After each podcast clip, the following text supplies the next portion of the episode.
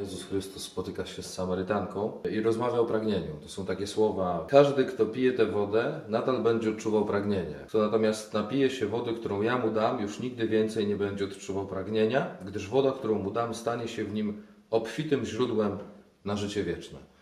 Jakie jest Twoje pragnienie? Ja kiedyś miałem pragnienie, żeby ludzie mnie akceptowali takim, jakim jestem. Chciałem, żeby po prostu akceptowali mnie z moim wyglądem, z moim wnętrzem, z moim sercem, z moim myśleniem. I to było bardzo natrętne nawet. Wymuszałem to na ludziach, by akceptowali mnie e, takiego młodego, czasami rozbójnika, jakim po prostu jestem. Chrystus dzisiaj wychodzi do Ciebie i mówi Ci, jeżeli myślisz tylko o tym, co jest zewnętrzne, to y, ta woda, którą pijesz, czy ona jest gazowana, czy jest niegazowana, ona może tylko ugasić takie zewnętrzne pragnienie.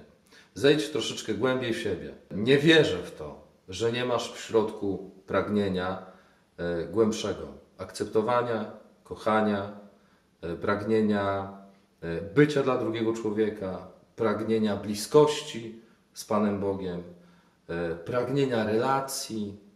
Jakie są Twoje pragnienia? Warto dzisiaj sobie to uświadomić, bo Chrystus sam odpowiada na to. Jeżeli będziesz pił mnie, ja jestem osobą, którą masz się napić, masz się napoić moją osobą, Jezusem Chrystusem. Jeżeli będziesz pił tą wodę, to nie tylko ona cię wypełni. To jest też niesamowite. To nie jest tak, że już tylko dostaniemy pełnię i koniec. Nie, to Chrystus stanie się źródłem w tobie. To jest mega, że On będzie źródłem. Więc jeżeli On będzie w tobie, będziesz posiadał to źródło, to staniesz przed drugą osobą, która będzie miała pragnienia i powiesz jej: Ja wiem, czego ty masz się napić.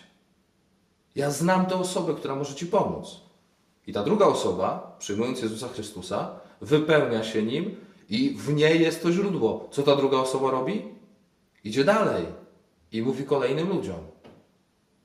Na tym polega przekaz dobrej nowiny. Czasami jest tak, że y, my mamy bardzo wiele pragnień y, i chodzimy do kościoła, jesteśmy, modlimy się i tak dalej, rozmawiamy z ludźmi i cały czas te pragnienia są jakoś tak, one są, ale nie możemy ich wypełnić.